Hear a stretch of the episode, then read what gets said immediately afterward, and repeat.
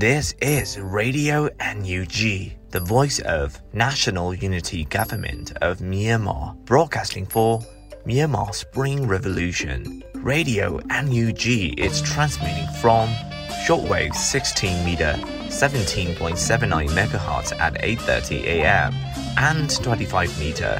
11.94 megahertz at 8:30 p.m. Myanmar Standard Time. မင်္ဂလာပါခင်ဗျာ အမျိုးသားညီညွတ်ရေးအစိုးရရဲ့အတန်လွင့်ဌာန Radio NUG ကိုမနက်ပိုင်း၈နာရီခွဲမှာလိုင်းတို16မီတာစက္ကန့်တက်သမ9 MHz ညပိုင်း၈နာရီခွဲမှာလိုင်းတို25မီတာ17တက်သမ6 MHz တို့မှာဓာတ်ရိုက်ဖမ်းယူနိုင်နိုင်ပါပြီမင်္ဂလာအပေါင်းနဲ့ပြည့်စုံကြပါစေအခုချိန်ကစပြီး Radio NUG အစီအစဉ်တွေကိုဓာတ်ရိုက်အတန်လွှင့်ပေးနေပါပြီ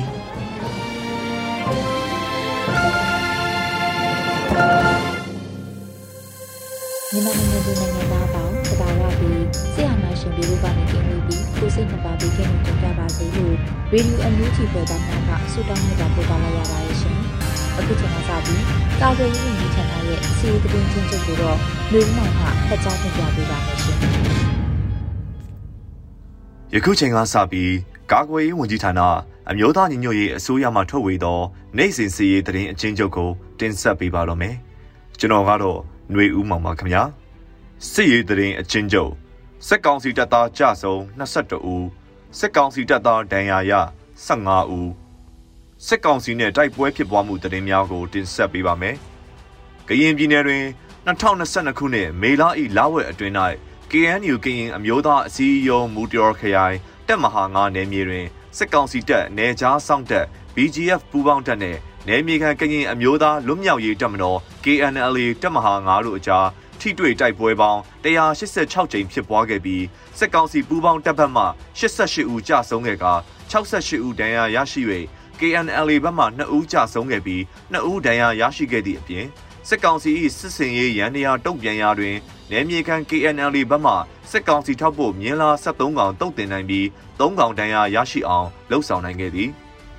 2022ခုနှစ်မေလ18ရက်နေ့စစ်ကောင်စီတပ်များထိုးစစ်ဆင်လာမှုကြောင့်မြောက်ဝတီမြို့တောင်ဘက်တိတ်ဘောဘိုးဗလဲတိုကျေးရွာအနီးတွင် မေလ18ရက်ညမှစ၍စစ်ကောင်စီတပ်နှင့် KNLA ပူးပေါင်းတပ်များတိုက်ပွဲဖြစ်ပွားနေပြီးတိုက်ပွဲဖြစ်ပွားရာနေရာသို့စစ်ကောင်စီတိုက်ခိုက်ရေးရဟတ်ရင်နှစ်စင်းလာရောက်ပြန်ဝဲပြီးအခြေအနေလာရောက်လေးလာသွားပြီးနောက်ဘုံကျဲတိုက်ခိုက်ခဲ့ကဂိုဘရာစစ်ကြောင်းနဲ့ KNLA ပူးပေါင်းတပ်ဖွဲ့များမှတိတ်ဘောဘိုးစစ်ကောင်စီစခန်းကုန်းအားသိမ်းခဲ့က နှစ်ဦးနှစ်ဖက်ထိခိုက်မှုအခြေအနေအားမသိရှိရသေးကြောင်းနဲ့ကြာအင်းစိတ်ကြီးကြိုက်တုံခုတ်ခွာဒေသဘက်သို့လည်းစစ်ကောင်စီရဟတ်ရင်နှစီလှည့်လည်ပြန်တန်းနေကြောင်းသိရသည်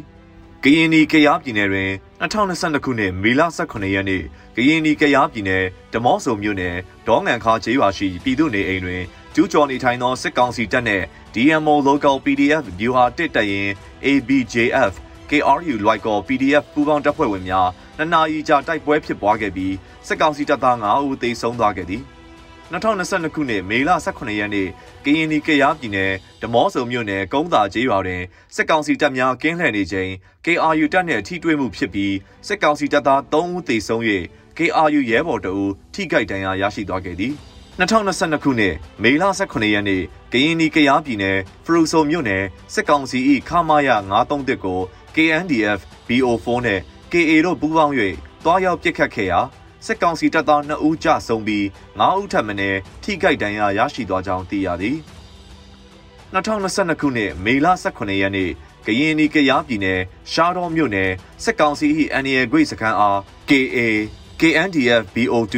B14 B12 တို့ပူးပေါင်း၍3နာရီခွဲကြာတိုက်ခိုက်ခဲ့ပြီး ပြည်သူ့ကာကွယ်ရေးတပ်သား3ဦးကြဆုံးခဲ့ပြီး10ဦးထိခိုက်ဒဏ်ရာရရှိခဲ့ကစစ်ကောင်စီဘက်မှထိခိုက်ဒေဆုံးမှုများရှိတော်လဲအတိမပြုတ်နိုင်သေးကြောင်းသိရသည်။စကိုင်းတိုင်းတွင်2022ခုနှစ်မေလ18ရက်နေ့စကိုင်းတိုင်းမြင်းမှုမြို့နယ်မြင်းမှုမြို့နယ်ဝမ်းပြေကျေးရွာကြား၌စစ်ကောင်စီကား12စီးရင်တန်းအား Black Eagle Defense Force MMU People Defense Force မြင်းမှု MMU PDF မြင်းမှုချက်စီးပျောက်ကြားအဖွဲ့ မြင်းမှု Civil Revolution Force မြောင်မြို့နယ်ပြည်သူ့ကာကွယ်ရေးနဲ့လုံခြုံရေးအဖွဲ့ CDSOM တို့မှဗဒေသာမိုင်း၃လုံးတစ်ဖက်ပွင့်နှလုံးတို့ဖြင့်မိုင်းဆွဲတိုက်ခိုက်ခဲ့တဲ့ဖြင့်ဒုတိယမြောက်ကားအားထိမှန်ခဲ့ပြီးစက်ကောင်စီတပ်သားများတိတ်ဆုံးမှုရှိခဲ့ကြောင်းသိရသည်2022ခုနှစ်မေလ18ရက်နေ့စကိုင်းတိုင်းထီးချိုင်းမြို့နယ်အင်တောင်ကျေးရွာနဲ့ပေကုန်းကျေးရွာကြားချောင်းကူတရားပေါ်တွင်စစ်ကောင်စီတပ်သားများကို Special 9ထီးချိုင်း PDF ထီးချိုင်းမြို့နယ်ပခဖာတို့မှမိုင်းဆွဲတိုက်ခိုက်ခဲ့ရာစစ်ကောင်စီတပ်သားများတိတ်ဆုံးမှုရှိခဲ့ကြောင်းသိရသည်2022ခုနှစ်မေလ18ရက်နေ့စကိုင်းတိုင်းချောင်းဦးမြို့နယ်အတွင်းသို့စစ်ကြောင်းထိုးဝင်လာသောစစ်ကောင်စီတပ်သား100ခန့်အားကန်စည်းကျေးရွာကင်မွန်းတော်ကျေးရွာသို့အဝင်၌ဒေသကာကွယ်ရေးအဖွဲ့များမှမိုင်းသုံးလုံးဖြင့်တိုက်ခိုက်ခဲ့သည်2022ခုနှစ်မေလ18ရက်နေ့ စကိုင်းတိုင်းခင်ဦးမြို့နယ်ပြင်ထောင်ကျေးရွာနဲ့ကင်းပြရွာကြားကင်းဆောက်ထွက်လာသောပြူစောတိ9ဦးကိုရောင်နီပျောက်ကြားနဲ့ဒေသခံကာကွယ်ရေးအဖွဲ့တို့မှပူးပေါင်း၍အသင့်ထောင်ထားသောမိုင်းဖြင့်တိုက်ခိုက်ခဲ့ရာပြူစောတိတအူထိမှန်သောကြောင်းသိရသည်မုံပြည်နယ်တွင်2022ခုနှစ်မေလ18ရက်နေ့မွန်ပြည်နယ်ဘီလင်းမြို့နယ်ဒေါင်းရက်မှဘီလင်းကျွန်းရွာသို့လုံခြုံရေးလာယူသည့်စစ်ကောင်စီတပ်သား55ဦးပါရင်းနှစီအား KNLA အမှတ်တပ်မဟာ1တရင်နှင့်လက်အောက်ခံတပ်ဖွဲ့နှင့် ပူးပေါင်းတပ်ဖွဲ့တို့တွားရောက်တိုက်ခိုက်ခဲ့သဖြင့်စစ်ကောင်စီတပ်သား2ဦးသေဆုံးပြီး9ဦးဒဏ်ရာရရှိခဲ့ကြောင်းသိရသည်မကွေးတိုင်းတွင်2022ခုနှစ်မေလ18ရက်နေ့မကွေးတိုင်းစလင်းမြို့နယ်စလင်း PDF စခန်း၌မိုင်းကွင်းကိုနင်းမိသည့်စစ်ကောင်စီ၏ခလာရ253မှစစ်ကောင်စီတပ်သား9ဦးသေဆုံးခဲ့ပြီးစလင်းအဖွဲ့မှတပ်သား2ဦးတည်င်းမရဘဲပျောက်ဆုံးလျက်ရှိကြောင်းသိရသည်ရှမ်းပြည်နယ်တွင်2022ခုနှစ်မေလ18ရက်နေ့ ရှမ်းပြည်နယ်ဖဲခုံမြို့နယ်မိုးပြဲမြို့စီမီလော့ရွာဝန်းကျင်တွင်ဖဲခုံမြို့အရှိတ်ဘက်ကမ်းမှစစ်ကြောင်းထိုးလာသည့်စစ်ကောင်စီတပ်နှင့် KNDF တို့တိုက်ပွဲဖြစ်ပွားခဲ့ပြီးနှစ်ဖက်ထိခိုက်မှုတရင်ကိုအတိမပြုနိုင်သေးကြောင်းသိရသည်ဆက်လက်ပြီးစစ်ကောင်စီအကြမ်းဖက်မှုများကို တင်ဆက်ပေးပါမယ်ချင်းပြည်နယ်တွင်2022ခုနှစ်မေလ18ရက်နေ့ချင်းပြည်နယ်မတူပီမြို့နယ်မတူပီမြို့မြမစီးပွားရေးဘဏ်လုံခြုံရေးအဆောင် တာဝန်ကျစစ်ကောင်စီတပ်သား2ဦးထွက်ပြေးသောကိစ္စကိုကူညီကြောင်းဆွဆွဲကဒေသခံ9ဦးကိုဖမ်းဆီးသွားခဲ့ပြီးအဆိုပါဖမ်းဆီးခံရသော9ဦးအနက်မှအမျိုးသမီး2ဦးမှာမေလ23ရက်နေ့တွင်ပြန်လည်လွတ်မြောက်လာကြောင်းသိရသည်။စကိုင်းတိုင်းတွင်2022ခုနှစ်မေလ18ရက်နေ့စကိုင်းတိုင်းမြင်းမှုမြို့နယ်မြင်းမှုမြို့နယ်စိုက်ကယ်ပြုပြင်သူကိုစော်ချိုင်းဦးသည်ဂွေးဝင်တော်ကျေးရွာသို့စိုက်ကယ်ပြုပြင်ပြီးသွားပို့ရာချောင်းဦးမြို့ဘက်မှလာသည့်စစ်ကောင်စီအဖွဲ့မှဖမ်းဆီးသွားခဲ့ကြောင်းသိရသည် 2022ခုနှစ်မေလ18ရက်နေ့စကိုင်းတိုင်းရွှေဘိုမြို့နယ်ညောင်မင်းသားမြို့ရှိစိုက်သိပ်ပံကျောင်းများတွင်တပ်ဆွဲထားသောစစ်ကောင်စီတပ်များသည်လက်နက်ကြီးဖြင့်နှစ်ကြိမ်ပစ်ခတ်ခဲ့ကြောင်းနှင့်ကြီးကန့်ရွာနှင့်ကန်တာကုန်းရွာကြားကြားခဲ့သည်ဟုသိရကာစစ်ကောင်စီတပ်သားများမြင်းစည်းကျေးရွာမှပြူစောထီးများသည်တနက်များဖြင့်ရန်တမ်းပစ်ခတ်ခဲ့ကြောင်းသိရသည်။2022ခုနှစ်မေလ18ရက်နေ့စကိုင်းတိုင်းကလေးမြို့နယ်ရှားတော်ရွာရောက်စစ်ကောင်စီတပ်များသည် ပြည်သူနေအိမ်အလုံး20ခန့်အားမီးရှို့သွားခဲ့ပြီးကုတ်ကိုရွာသို့ဝင်ရောက်၍ထပ်မံမီးရှို့နေကြောင်းသိရသည်။တနင်္သာရီတိုင်းတွင်2022ခုနှစ်မေလ18ရက်နေ့တနင်္သာရီတိုင်းတဝယ်မြို့နယ်ပခတ်ကြီးရွာ၌ပြည်သူ20ဦးခန့်ကိုစစ်ကောင်စီတပ်သားများကဖမ်းဆီး၍နှိပ်စက်ညှဉ်းပန်း၍စစ်ဆေးလျက်ရှိကြောင်းသိရသည်။2022ခုနှစ်မေလ18ရက်နေ့တနင်္သာရီတိုင်းတဝယ်မြို့နယ်ရှစ်မိုင်လမ်းစုံဥယျာဉ်ကြီးရွာအဝင်လမ်းထိပ်၌စက်ကောင်စီအင်အား30ကျော်ရောက်ရှိ၍ လက်နက်များဖြင့်ရန်တမ်းပစ်ခတ်လျက်ရှိပြီးထို့အပြင်ပြည်သူ10ဦးကျော်အားဖမ်းဆီး၍တဲအိမ်များထည့်ခိုင်းပြီးဘန်ကာဆောက်ခိုင်းခဲ့ကပခတ်ရွာမှအိမ်တစ်လုံးနဲ့ရှစ်မိုင်မှအိမ်နှလုံးကိုလည်းမီးရှို့ခဲ့ကြကြောင်းသိရသည်ဆက်လက်ပြီး2022ခုနှစ်မေလ18ရက်နေ့ရရှိသောသတင်းအရတနင်္သာရီတိုင်းတဝယ်မြို့နယ်တဝယ်ထောင်တွင်အကျဉ်းချခံနေရသည့်နိုင်ငံရေးအကျဉ်းသားတို့ပုံမှန်ရုံးချင်းထုတ်ခွင့်မရဖြစ်နေကြောင်း အမှုတွဲများသည့်နိုင်ငံရေးအကျဉ်းသားအချို့အားထောင်ထဲမှတရားရုံးကိုရုံးချိန်မထွက်ရသည်မှာတလကျော်အထိရှိနေကတဝဲအကျဉ်းထောင်တွင်နိုင်ငံရေးအကျဉ်းသား900ကိုအမိန့်ချရာတွင်ရှေ့နေများမိသားစုဝင်များတပ်သေးများအားလုံးကိုကြားနာခွင့်မပေးဘဲတရားရုံးတကားပိတ်ပြီးတစ်ဖက်သက်အမိန့်များကိုချမှတ်နေခဲ့သည့်အပြင်ယခုအထိထောင်ဝင်စာတွေ့ခွင့်ကိုလည်းပိတ်ထားဆဲဖြစ်ကစာရေးဆက်သွယ်ခြင်းကိုလည်းတင်းကျပ်လိုက်သဖြင့်တခြားမြို့နယ်များမှာအချင်းသားများမှာအိမ်နဲ့အဆက်အသွယ်ရရန်ခက်ခဲနေကြောင်းသိရသည် 2022ခုနှစ်မေလ18ရက်နေ့တနင်္သာရီတိုင်းပလောမြို့နယ်ပလောအမှတ်1ရပ်ကွက်မှစိုက်ကယ်တက်ဆီမောင်းနေသောကိုမင်းအားကုတ်ကိုပင်ကြီးအောက်တွင်စစ်ကောင်စီတပ်သားများမှဖမ်းဆီးသွားခဲ့ပြီးလမ်းများကြားတွင်လည်းစစ်ဆေးမှုများပြုလုပ်နေကြောင်းသိရသည်2022ခုနှစ်မေလ18ရက်နေ့ တနင်္သာရီတိုင်းပလောမြို့နယ်ပလောမြို့အတွင်စစ်ကောင်စီများသည် CDM ဆရာဆရာမများနှင့်ပြည်သူအချို့ကိုဖမ်းဆီးလျက်ရှိကြောင်းနဲ့ပလောမြို့အတွင် CDM ဆရာဆရာမများကိုပြစ်မှတ်ထားဖမ်းဆီးမှုသည်လာမယ့်ကျောင်းဖွင့်ရာသည့်အတွက်လှုပ်ရှားခြင်းဖြစ်နိုင်ကြောင်းသိရသည်2022ခုနှစ်မေလ18ရက်နေ့တနင်္သာရီတိုင်းလောင်းလုံးမြို့နယ်ဟင်းချိုတော်ကျေးရွာမှတာမန်ရွာသားတဦးဖြစ်သောအသက်30ကျော်အရွယ်ကိုစင်ကိုအားစစ်ကောင်စီတပ်သားအင်အားအလုံးအရင်းဖြင့်လာရောက်ဖမ်းဆီးသွားခဲ့သည်၎ င်းအားမြည်သည့်အတွက်ကြောင့်ဖမ်းဆီးခဲ့သည်နှင့်မြည်သည့်နေရာသို့ဖမ်းဆီးခေါ်ဆောင်သွားသည်ကိုမသိရသေးကြောင်းသိရသည်ပဲခူးတိုင်းတွင်2022ခုနှစ်မေလ18ရက်နေ့ပဲခူးတိုင်းပြည်မြို့နယ်ပြည်မြို့ခက်တရာမြို့တင်9လမ်းတွင်မီတာမဆောင်သောအိမ်များကိုစစ်ကောင်စီလက်အောက်ခံမီတာရုံးဝန်ထမ်း10ဦးမှမီးလိုက်ဖြတ်နေကြောင်းနဲ့မြို့သက်ကိုလန့်ရှိအိမ်များကိုလည်းမီတာများဖြုတ်သွားကြောင်းသိရသည်2022ခုနှစ်မေလ18ရက်နေ့ ပဲခူးတိုင်းပေါင်းတယ်မြို့နယ်ပေါင်းတယ်မြို့မြို့မရဲစခန်းမှအမှုစစ်ရဲအရာရှိများသည်အမှုသည်များအားချင်းချောက်ငွေညှစ်တောင်းခံနေပြီးအကြောင်းအမျိုးမျိုးဖြင့်အကြက်ကင်ချင်းချောက်၍ကြက်သိန်းကနန်းနှင့်အထက်ငွေညှစ်တောင်းခံနေကြောင်းသိရသည်မန္တလေးတိုင်းတွင်2022ခုနှစ်မေလ18ရက်နေ့မန္တလေးတိုင်းနထိုးကြီးမြို့နယ်အမှတ်3ရပ်ကွက်ရှိအမျိုးသားညီညွတ်ရေးအစိုးရလက်အောက်ခံကာကွယ်ရေးဝန်ကြီးဌာန၏အတွင်းဝန်ဦးနိုင်ထူးအောင်၏နေအိမ်အားစစ်ကောင်စီများမှမီးရှို့ခဲ့သောကြောင့် အိမ်အနောက်ဘက်ရှိပဒိန်ဘိုးမီးလောင်ပျက်စီးခဲ့ပြီးကက်လျက်ရှိတခြားနေအိမ်တအိမ်မှာမီးလောင်ဆုံးရှုံးခဲ့ကြောင်းသိရသည်ဆက်လက်ပြီး2022ခုနှစ်မေလ14ရက်နေ့မန္တလေးတိုင်းမလှိုင်မြို့နယ်မကြီးကုန်းကျေးရွာရှိကိုတန့်စင်အားစစ်ကောင်စီများမှဖမ်းခေါ်သွားခဲ့ပြီး18ရက်နေ့၌မိထီလာမြို့ရှိတပ်မ69စစ်ကြောရေးတွင်လည်းကြာဆုံးသွားခဲ့ကြောင်းနဲ့ကိုတန့်စင်၏အမျိုးသမီးဖြစ်သူမှာကိုဝင်6လရှိပြီဖြစ်တော်လဲစစ်ကြောရေးမှာပြတ်ကျသွားခဲ့ကကိုတန့်စင်၏ရုပ်အလောင်းအား မနက်7:30နာရီ30အချိန်တွင်အိမ်တို့တဲဆောင်ခွင့်ပြုတော်လဲစစ်ကောင်စီမှညနေ3နာရီအချိန်တွင်တကြိုရမည်ဖြစ်ကြောင်းသိရသည်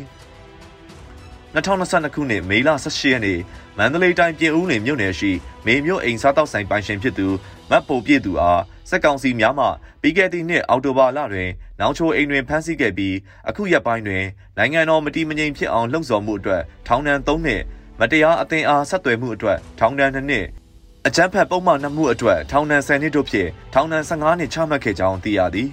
ရှမ်းပြည်နယ်တွင်2022ခုနှစ်မေလ18ရက်နေ့ရှမ်းပြည်နယ်ဖေကုံမြို့နယ်အင်းလယ်ကျွန်းပေါ်ရွာတရွာဖြစ်သောလွယ်ပန်းဆောင်ကြီးရွာကိုဖေကုံမြို့စက်ကောင်စီခုနှစ်မှ120မမလက်နက်ကြီးဖြင့်ပစ်ခတ်ခဲ့ရာဘုံကြီးကျောင်းစာတင်ကျောင်းနှင့်ပြည်သူနေအိမ်ပေါ်ကြားရောက်ပောက်ကွဲခဲ့သည့်အတွက်ဘုံကြီးကျောင်းတွင်နေသူအမျိုးသား2ဦးလက်နက်ကြီးထိမှန်ဒဏ်ရာရခဲ့ကြောင်းသိရသည် ရန်ကုန်တိုင်းတွင်2022ခုနှစ်မေလ18ရက်နေ့ညပိုင်း၌ရန်ကုန်တိုင်းမရန်ကုန်မြို့နယ်9ရပ်ကွက်မှလူငယ်10ဦးခန့်ကိုစက်ကောင်စီများမှဖမ်းဆီးခဲ့ကြောင်းသိရသည်။2022ခုနှစ်မေလ18ရက်နေ့ရန်ကုန်တိုင်းရွှေပြည်သာမြို့နယ်6ရပ်ကွက်စစ်တောင်းလမ်းတွေတဲ့နှစ်လမ်းရှိနေအိမ်အချို့မှမီတာများကိုစစ်ကောင်စီနှင့်လက်ဆက်ဝန်ထမ်းများမှဆယ်လုံးနှင့်အထက်ဖြုတ်သိမ်းသွားကြောင်းသိရသည် 2022ခုနှစ်မေလ18ရက်နေ့မှစ၍ရန်ကုန်တိုင်းတန်လျင်မြို့နယ်တွင်စိုက်ကယ်စီးနှင်းခြင်းကိုစက်ကောင်စီများမှလုံးဝခွင့်မပြုတော့ဘဲကျေးရွာများတွင်စိုက်ကယ်များကိုဖမ်းဆီးသိမ်းဆည်းနေကြောင်းနဲ့တက်တွင်းရှိမိသားစုဝင်များကိုမေလ22ရက်နေ့အထိစိုက်ကယ်မစီးရန်လော်နဲ့အော်၍တတိပေးနေကြောင်းသိရသည် 2022ခုနှစ်မေလ18ရက်နေ့ရန်ကုန်တိုင်းတန်လျင်မြို့နယ်နဲ့ကြောက်တန်းမြို့နယ်အတွင်းရှိကုန်းစုံဆိုင်များတွင်လေးကွာနှင့်ဆက်ဆက်ပစ္စည်းများမယောင်းချရန်စစ်ကောင်စီအဖွဲ့ဝင်များမှဖိအားပေးချင်းချောက်နေပြီးစစ်ဆေးတွေ့ရှိပါကထိရောက်စွာအရေးယူမည်ဟုသိရသည်။2022ခုနှစ်မေလ18ရက်နေ့ရန်ကုန်တိုင်းတာမွေမြို့နယ်ခရက်ကွက်တွင်လူငယ်6ဦးကိုစစ်ကောင်စီအဖွဲ့ဝင်များမှဖမ်းဆီးခဲ့ကြောင်းသိရသည် 2022ခုနှစ်မေလ18ရက်နေ့ရန်ကုန်တိုင်းအင်းစိန်မြို့နယ်တွင်စစ်ကောင်စီအဖွဲ့ဝင်များမှစိုက်ကယ်စီးနှင်လာသူများကိုပြစ်ခတ်ဖမ်းဆီးခြင်းထိုးကျိတ်ခြင်းများလှုပ်ဆောင်နေပြီးစိုက်ကယ်မစီးရဟုစစ်ကောင်စီတပ်သားများမှအော်ဟစ်ဆဲဆိုနေကြောင်းသိရသည်။ 2022ခုနှစ်မေလ18ရက်နေ့ရန်ကုန်တိုင်းမရန်ကုန်မြို့နယ်တမိုင်းလမ်းစုံရှိဘန်ကာကိုပြစ်ခတ်ခဲ့ပြီးနောက်လုံခြုံရေးယူနေသောစစ်ကောင်စီတပ်ဖွဲ့ဝင်များ၏ပုံကိုခေတ်သက်မီဒီယာတွင်ဖော်ပြခဲ့ရာဓာတ်ပုံရိုက်ကူးနေသည့်နေရာတွင်စီတီမတ်အသင်းမှလာသည်ဟုဆိုကာစီတီမတ်တစ်ခုလုံးကိုပိတ်ဆို့၍ပြည်သူအချို့ကိုလည်းဖမ်းဆီးခဲ့ကြောင်းသိရသည်။အေယာဝတီတိုင်းတွင် 2022ခုနှစ်မေလ18ရက်နေ့အေယာဝတီတိုင်းတာပေါင်းမြို့နယ်တရက်အုပ်ကျေးရွာအုပ်စုစံဆက်ရှိတွင်စစ်ကောင်စီတပ်များနှင့်စစ်ကောင်စီလက်အောက်ခံရဲများအထိုင်ချ၍ဆက်လီများကိုစစ်ဆေးပြီးတစည်းလျင်2000ကျပ်မှ3000ကျပ်အထိတောင်းရနေကြောင်းသိရသည်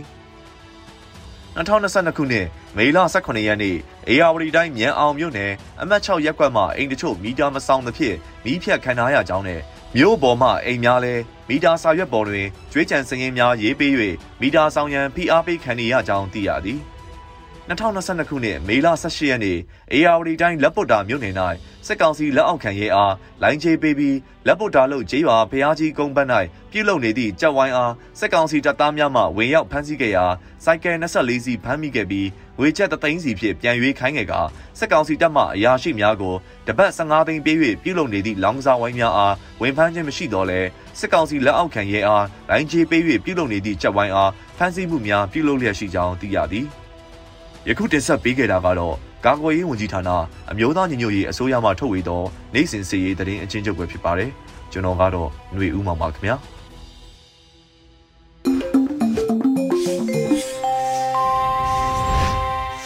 ရေဒီယိုအန်ယူဂျီရဲ့မနက်ခင်းစီစဉ်တွေကိုဆက်လက်တင်ပြနေပါတယ်။အခုဆက်လက်ပြီးနောက်ဆုံးရသတင်းများကိုရွေးဦးမှမှဖတ်ကြားတင်ပြပေးပါမယ်ရှင်။ မင်္ဂလာပါရှင်နောက်ဆုံးရသတင်းများကိုတင်ဆက်ပေးသွားမှာဖြစ်ပါတယ်အခုတင်ဆက်မဲ့သတင်းတွေကိုတော့ Radio NUG သတင်းတာဝန်ခံတွေနဲ့ခိုင်လုံတဲ့မိဘသတင်းရင်းမြစ်တွေကအခြေခံတင်ပြထားတာဖြစ်ပါတယ်ကျွန်မຫນွေဦးမွန်ပါ energy အစိုးရရဲ့ဒေါ်လာရင်းအောင်မြင်မှုသက်သေပြနိုင်မှာကအမေရိကန်မှာရှိတဲ့1ဘီလီယံပြန်ရဖို့ပိုပြီးနှိစက်တယ်လို့ပြည်ထောင်စုဝန်ကြီးဦးတင်ထွန်းနိုင်ပြောဆိုတဲ့သတင်းကိုဦးစွာတင်ဆက်ပေးပါမယ်။ energy အစိုးရရဲ့ဒေါ်လာရင်းအောင်မြင်မှုသက်သေပြနိုင်မှာကအမေရိကန်မှာရှိတဲ့1ဘီလီယံပြန်ရနိုင်ဖို့ ပိုပြီးနှိစက်တယ်လို့ပြည်ထောင်စုဝန်ကြီးဦးတင်ထွန်းနိုင်ကဆိုလိုက်ပါတယ်။မီလ18အကျင်းပါတယ် The End of Data Share EOD စီမံကိန်းအကြောင်းနဲ့ EOD ရဲ့ရှေ့ဆက်ရမယ့်လုပ်ငန်းစဉ်များကိုပြည်ထောင်စုဝန်ကြီးဦးတင်ထွန်းနိုင်ကသတင်းစာရှင်းလင်းဆွေးနွေးပွဲမှာပြောကြားခဲ့တာပါ1ဘီလီယံနဲ့ပတ်သက်လို့ NUG သည်တော်လိုင်းမှနေမြေဆိုးမှုမှုတွေရမယ်တနည်းအားဖြင့်တော်လိုင်းမှအောင်နိုင်ကြီးပေါ့ဗျာ နောက်တစ်ချက်ပြောရလို့ရှိရင်ကျွန်တော်တို့ရဲ့အောင်မြင်မှုထင်ရှားတဲ့သက်သေဒီသက်သေပြနိုင်ရင်တော့ဒီပိုက်ဆံကပြန်ရဖို့ပို့ပြီးနှီးဆက်လာပြီလို့ပြောရမှာဖြစ်တယ်လို့ဝန်ကြီးကဆိုပါတယ်မြို့သားညွေအစိုးရနိုင်ငံခြားရေးဝန်ကြီးဒေါ်စင်မအောင်အမေရိကန်ခီးစင်မှာလည်း၎င်း1ဘီလီယံပြန်လည်ရရှိရေးဆွေးနွေးခဲ့ပြီးတော့ကောင်းမွန်တဲ့တုံ့ပြန်မှုရရှိခဲ့တယ်လို့ဝန်ကြီးဦးတင်ထွန်းနိုင်ကဆိုပါတယ်ရှင်ငွေရဲစာချုပ်အမေရိကန်ဒေါ်လာ38သန်းမှုအထိရောင်းချရာက 14မြင်းဆောင်အင်ယာလက်နေအိမ်အမေရိကန်ဒေါ်လာ9သန်းမှုအထိနောက်ဆုံးရောင်းချရရှိထားတဲ့သတင်းကိုတင်ဆက်ပေးပါမယ်။ငွေတိုင်းစာချုပ်အမေရိကန်ဒေါ်လာ38သန်းမှုအထိရောင်းချထားရပြီးတော့14မြင်းဆောင်အင်ယာလက်နေအိမ်အမေရိကန်ဒေါ်လာ9သန်းမှုအထိနောက်ဆုံးရောင်းချရထားတယ်လို့ပြည်ထောင်စုဝန်ကြီးဦးတင်ထွန်းနိုင်ကဆိုပါတယ်။မေလ18အကျင်းပါတဲ့ The NOD Data Sheet EOD စီမံကိန်းအကြောင်းနဲ့ EOD ရဲ့ရှေ့ဆက်ရမယ့်လုပ်ငန်းစဉ်များကိုပြည်ထောင်စုဝန်ကြီးဦးတင်ထွန်းနိုင်ကသတင်းစာရှင်းလင်းပွဲမှာပြောကြားရမှထည့်သွင်းပြောကြားခဲ့တာပါ။ ဝေရိုက်စာချုပ်ကခုနောက်ဆုံး American Dollar 38သန်းမှုရောင်းချပေးပါပြီ။14မြင့်ဆောင်အင်အားလက်အိမ်ကတော့ American Dollar 9သန်းမှုအထိဒီနေ့ညနေနောက်ဆုံးအခြေအနေပေါ့ရောင်းချပြီးဖြစ်ပါတယ်။အဲ့ဒါတွေရဲ့ຫນွေဦးထီရဲ့အခွင့်အရေးစုစုပေါင်းဆိုရင်ဒီနေ့ဒီအချိန်မှာစီမံဘဏ္ဍာဝန်ကြီးဌာနအနေနဲ့တော်လှန်ရေးစာကလေးကဗန်နာရမငွေရှာဖွေခဲ့တာအမေရိကန်ဒေါ်လာအပြင်42တန်းလောက်ရှိတယ်လို့ပဲကျွန်တော်အနေနဲ့ရှင်းလင်းတင်ပြလိုပါတယ်လို့ဝန်ကြီးကဆိုပါတယ်။ ရန်ကုန်မြို့မှာရှိတဲ့အကြက်ဖက်ခေါင်းဆောင်မြေအောင်လိုင်းနေအိမ်ကို EOD မှအမေရိကန်ဒေါ်လာ10သန်းနဲ့အစုရှယ်ယာများတစုလအမေရိကန်ဒေါ်လာ100နဲ့ရောင်းချပေးလျက်ရှိပါတယ်။ဆိုပါစုရှယ်ယာများမှာလက်ရှိချိန်ထိအမေရိကန်ဒေါ်လာ9သန်းမှုရောင်းချပြီးဖြစ်ပြီးတော့အစုရှယ်ယာများပြန်လည်ရောင်းချခွင့်ကိုလည်း NUG အစိုးရကလွတ်လပ်စွာရောင်းချခွင့်ပြုမယ်လို့သိရပါတယ်ရှင်။စစ်ကောင်စီကလုံတဲ့ကြောက်မြနာပြပွဲစီစဉ်ခဲ့တဲ့ဝန်ထမ်းတွေကို နိုင်ငံတော်ပိုင်းပစ္စည်းအလွဲသုံးစားပြုမှုနဲ့အရေးယူမယ်လို့မြို့သားညီညွတ်ရေးအစိုးရကထုတ်ပြန်တဲ့သတင်းကိုတင်ဆက်ပေးပါမယ်။စစ်ကောင်စီကလုံတဲ့ကြောက်မြရနာပြပွဲစီစဉ်ခဲ့တဲ့ဝန်ထမ်းတွေကိုနိုင်ငံတော်ပိုင်းပစ္စည်းအလွဲသုံးစားပြုမှုနဲ့ရေးယူမယ်လို့မြို့သားညီညွတ်ရေးအစိုးရကထုတ်ပြန်လိုက်ပါတယ်။မေလ18ရက်နေ့မှာအာဏာသိမ်းအကြမ်းဖက်စစ်အုပ်စုကလုပ်တဲ့မြမကြောင့်မြေရတနာပြပွဲမှာပါဝင်ခဲ့သူတွေကိုအေးအေးယူမယ်လို့မြို့သားညီညွတ်ရေးအစိုးရကကြေညာလိုက်တာပါ။ဒါအပြင်ဝယ်ယူခဲ့သူတွေကိုလည်းခွေရပါပစ္စည်းလက်ခံမှုနဲ့မှုဖွင့်အေးအေးယူမှဖြစ်ပြီး ပေးချေခဲ့ရတဲ့တံမိုးနှစ်ဆကိုနိုင်ငံတော်ကိုပြန်လဲပေးရော်စေမယ်လို့ကြေညာချက်မှာဖော်ပြထားပါတယ်။ရတနာပြပွဲတွေမှာကြောင့်မြရတနာလဝရတနာနဲ့ပလဲအတွဲတွေကိုတင်ပြရောင်းချဝယ်ယူခဲ့တဲ့ပုဂ္ဂလိကကုမ္ပဏီတွေနဲ့ရောင်းဆိုင်တွေကိုလည်းမှတ်တမ်းထားရှိပြီးအမည်ပဲစီးရင်ရေးသွင်းတာနဲ့လုပ်ငန်းလုပ်ကိုင်ခွင့်ပိတ်သိမ်းတာတွေပြုလုပ်ပြီးရေးယူဆောင်ရွက်သွားမယ်လို့လည်း NUG တယံဇာတာနဲ့တဘာဝပတ်ဝန်းကျင်ထိန်းသိမ်းရေးဝန်ကြီးဌာနကကြေညာထားပါတယ်။59ကြိမ်မြောက်မြန်မာကျောက်မြေရတနာပြပွဲကိုပြီးခဲ့တဲ့2022ခုနှစ်ဧပြီလနောက်ဆုံးပတ်မှာ နေပြည်တော်မှာကျင်းပခဲ့ပြီးပလဲအတွဲပေါင်း330ရွဲကြောက်မြက်အတွဲပေါင်း54ရွဲကြောက်စိမ်းအတွဲပေါင်း1335ရွဲရောင်းချခဲ့ရတယ်လို့စစ်ကောင်စီဘက်ကထုတ်ပြန်ထားပါတယ်ရှင်။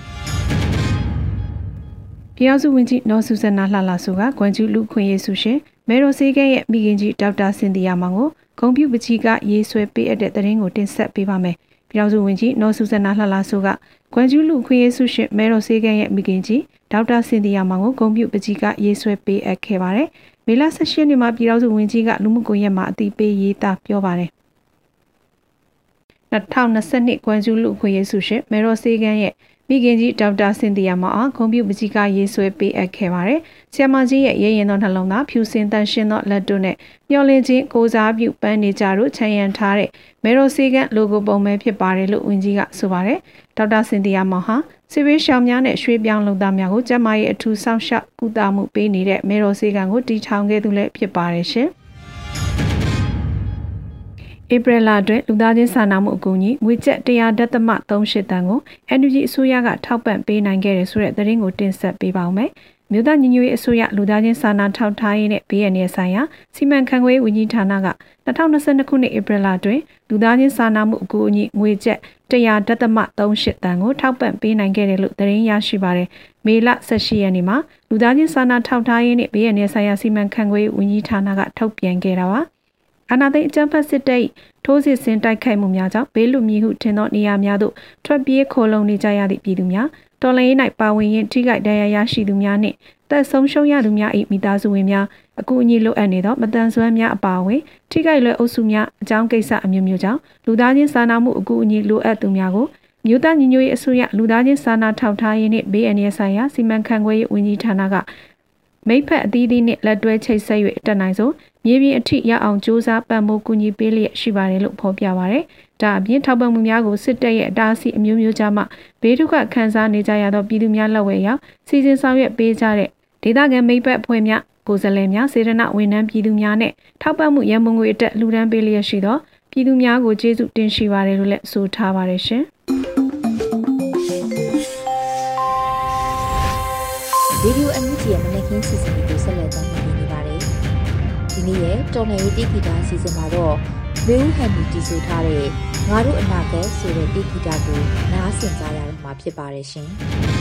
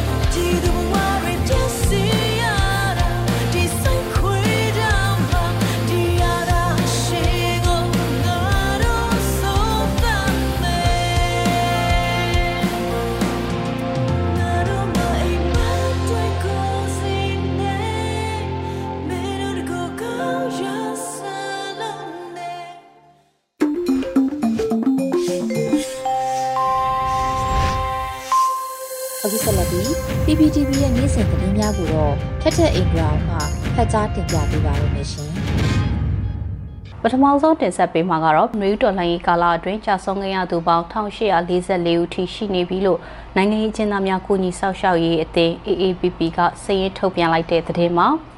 အကြမ်းဖက်စစ်တပ်ကအာဏာသိမ်းပြီးတဲ့နောက်အယက်သားပြည်သူတွေကိုတပ်ဖြတ်လျက်ရှိရမှာ မီလ18ရက်ထိစည်ရင်းနေရကြာဆုံးခဲ့ရသူ1844ဦးထိရှိနေပြီဖြစ်တယ်လို့နိုင်ငံရေးကျင်းသားများကူညီဆောက်ရှောက်ရေးအသင်းကထုတ်ပြန်လိုက်ပါတယ်။လက်ရှိထုတ်ပြန်လိုက်တဲ့စီးရင်ကပဲခူးတိုင်းဒေသကြီးထန်းတပင်မြို့နယ်နဲ့ရွှေတောင်မြို့နယ်၊စကိုင်းတိုင်းဒေသကြီးရင်းမပင်မြို့နယ်၊ဘူးတလင်မြို့နယ်နဲ့ဝက်လက်မြို့နယ်ရှမ်းပြည်နယ်လာရှိုးမြို့နယ်တို့မှာအပြစ်မဲ့ပြည်သူ9ဦးရဲ့အချက်လက်တွေကို AAPP ကမေလ18ရက်နေ့မှာကောက်ယူပြီးတော့ထည့်သွင်းဖော်ပြထားတာပါ။ AAPP ရဲ့မှတ်တမ်းပြုချက်တွေအရ2021ခုနှစ်ဖေဖော်ဝါရီလ1ရက်နေ့ကနေ2022ခုနှစ်မေလ23ရက်နေ့ထိဖမ်းဆီးချုပ်နှောင်ခြင်းခံထားသူစုစုပေါင်း1662ဦးရှိပြီဖြစ်ပြီးတော့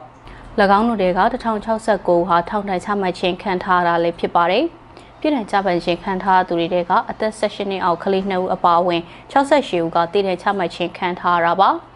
ဒါအပြင်ဖမ်းဝရမ်းထုတ်ခြင်းခံထားတာကြောင့်တိတ်ရှောင်နေသူ1989ဦးရဲ့အမည်စရင်းကိုလည်းတိကျဖော်ပြထားပြီးတော့သူတို့တွေကမျက်ကွယ်တည်တံချမှတ်ခြင်းခံထားသူ42ဦးအပါအဝင်120ဦးဟာမျက်ကွယ်ပြည်တံချမှတ်ခြင်းခံထားရတယ်လို့ဆိုပါတယ်။တည်တံချမှတ်ခံထားသူစုစုပေါင်း109ဦးရှိထားတယ်လို့လည်းထုတ်ပြန်ချက်မှာဖော်ပြထားပါတယ်။အရက်ဖတ်အဖွဲ့အစည်းရဲ့ခေါင်းဆောင်တွေအရက်သားတွေတက်ကြွလှုပ်ရှားသူတွေသတင်းသမားတွေစီဒီယန်လှုပ်ရှားနေတဲ့ဝန်ထမ်းတွေ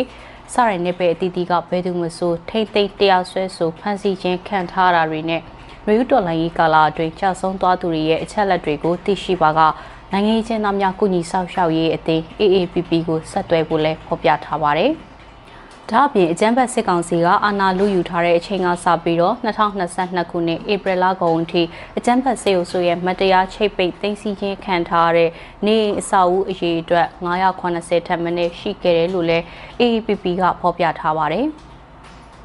ကြာဆုံးချက်လက်တွေအတွက်ဆိုရင် fatality data@aappb.org email သို့၎င်းအဖမ်းဆီးချက်လက်တွေအတွက်ဆိုရင် detention data@aappb.org email သို့၎င်းတိုက်ရိုက်ပေးပို့ဆက်သွယ်အကြောင်းကြားနိုင်တယ်လို့ဖော်ပြထားပါတယ်။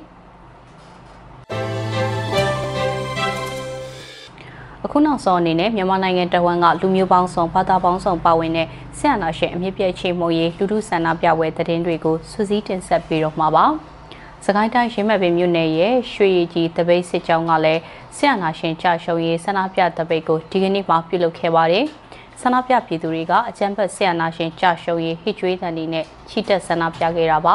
။စကိုင်းတိုင်းရင်းမဲ့ပင်မြို့နယ်ရဲ့ရွာပေါင်းစုံတပိတ်စစ်ကြောင်းကလည်း343ရက်မြောက်ဖြစ်တဲ့ဆန္ဒပြတပိတ်ကိုပြုလုပ်ခဲ့ပါတယ်။ရွှေဘုံမြို့နယ်ရဲ့ကြီးရွာတရွာကပြည်သူတွေကလည်းအကြမ်းဖက်စစ်တပ်ကြရှုံရေးဆန္ဒပြတပိတ်ကိုဒီကနေ့မှပြုလုပ်ခဲ့ပါတယ်။ ဆန္ဒပြပြည်သူတွေကအမျိုးသားညီညွတ်ရေးအစိုးရကိုထောက်ခံတဲ့စာသားတွေကင်ဆွဲထားသလိုအကြမ်းဖက်စစ်တပ်ကြောင့်ရှုံရေးဟစ်ကြွေးမှုတွေပြုလုပ်ခဲ့တာပါ